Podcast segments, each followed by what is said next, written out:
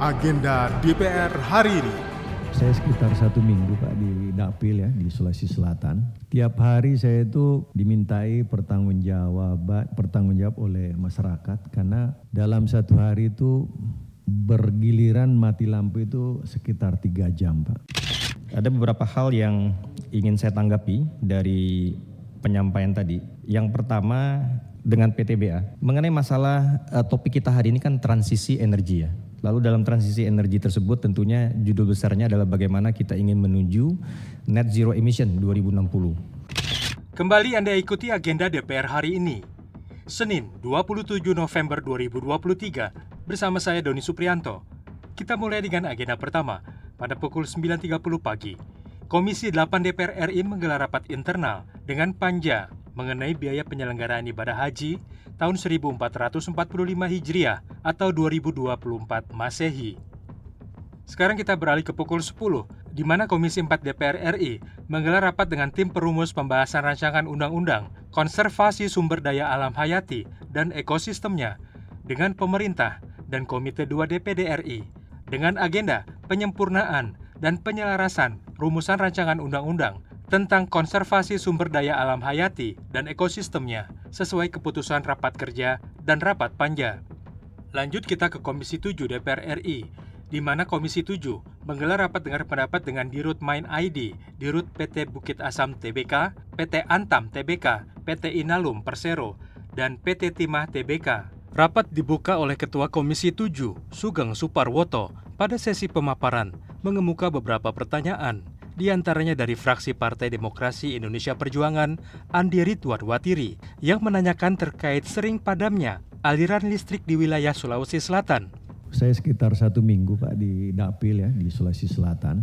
Tiap hari saya itu dimintai pertanggungjawaban pertanggungjawab oleh masyarakat karena dalam satu hari itu bergiliran mati lampu itu sekitar tiga jam Pak. 5 sampai 3 jam itu ya, 3 sampai 5 jam. Saya mencoba untuk menjelaskan kepada mereka karena sering koordinasi dengan GMPLN yang ada di sana bahwa kenapa bisa terjadi pemadaman itu pertama adalah memang karena situasi lagi kemarau sehingga PLTA yang ada di Poso dan PLTA ada di tempat lain itu sehingga debit airnya kurang sehingga uh, supply uh, air itu tidak bisa meng, uh, me, membuat stabil daripada suplai daya.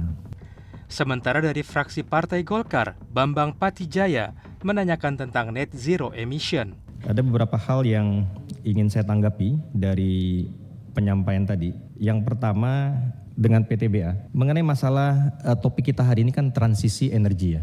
Lalu dalam transisi energi tersebut tentunya judul besarnya adalah bagaimana kita ingin menuju net zero emission 2060. Uh, kita tahu bahwa pada saat ini dari bauran energi yang sekarang ya ini kita baru mencapai 12,4 persen ya 2,4 persen.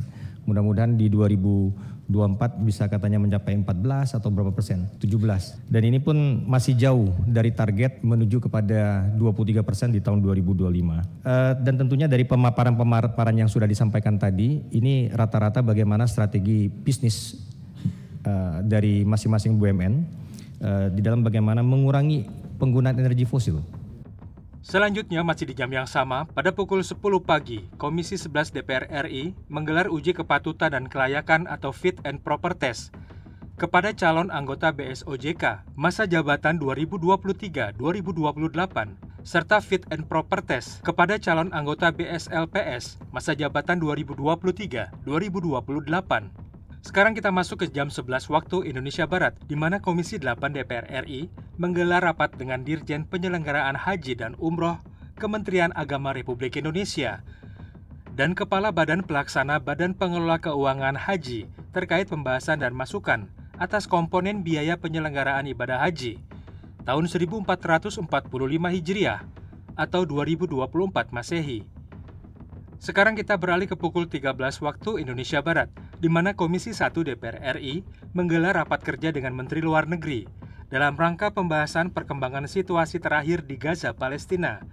Politik luar negeri Republik Indonesia dalam mengupayakan gencatan senjata untuk kemanusiaan di Gaza dan mendukung perjuangan rakyat Palestina.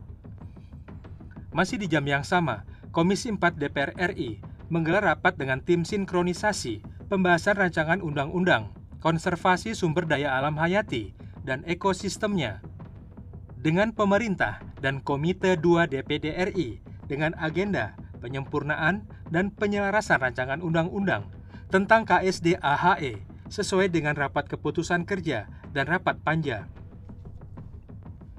Masih di jam yang sama, Komisi 6 DPR RI menggelar rapat kerja dengan Menteri Perdagangan Republik Indonesia dengan pembahasan kenaikan harga bahan pokok dan kebutuhan penting, rafaksi minyak goreng, stabilitas harga komoditas pangan, penurunan kinerja ekspor, dan lain-lain. Selanjutnya, Komisi 8 DPR RI menggelar rapat kerja dengan Menteri Agama Republik Indonesia membahas laporan panja Komisi 6 DPR RI mengenai biaya penyelenggaraan ibadah haji tahun 1445 Hijriah atau 2024 Masehi. Penyampaian Menteri Agama RI mengenai biaya penyelenggaraan ibadah haji tahun 1445 Hijriah atau 2024 Masehi, serta penetapan biaya penyelenggaraan ibadah haji tahun 1445 Hijriah atau 2024 Masehi. Selanjutnya kita beralih ke pukul 14, di mana Komisi 7 DPR RI menggelar rapat dengar pendapat panja ilegal mining dengan PLT Dirjen Minerja Kementerian ESDM dengan menghadirkan Dirut PT Bumi Muller Kalteng dan Dirut PT Joshua Mahaka Mineral. Masih di jam yang sama, Komisi 8 DPR RI menggelar rapat dengar pendapat dengan Kepala Badan Pelaksana dan Ketua Dewan Pengawas Badan Pengelola Keuangan Haji membahas Renstra tahun 2022-2027 dan rencana kerja tahunan BPKH tahun 2024. Sampailah kita pada agenda terakhir, di mana pada pukul 15, Komisi 4 DPR RI kembali menggelar rapat panja rancangan undang-undang tentang konservasi sumber daya alam hayati dan ekosistemnya dengan pemerintah dan Komite 2 DPR RI dengan agenda laporan tim perumus dan tim sinkronisasi kepada panitia kerja mengenai rancangan undang-undang tentang konservasi sumber daya alam hayati dan ekosistemnya. Demikian agenda DPR hari ini. Untuk informasi selengkapnya, simak dan ikuti media sosial TV dan radio parlemen. Saya Doni Suprianto. Sampai jumpa. Agenda DPR hari ini.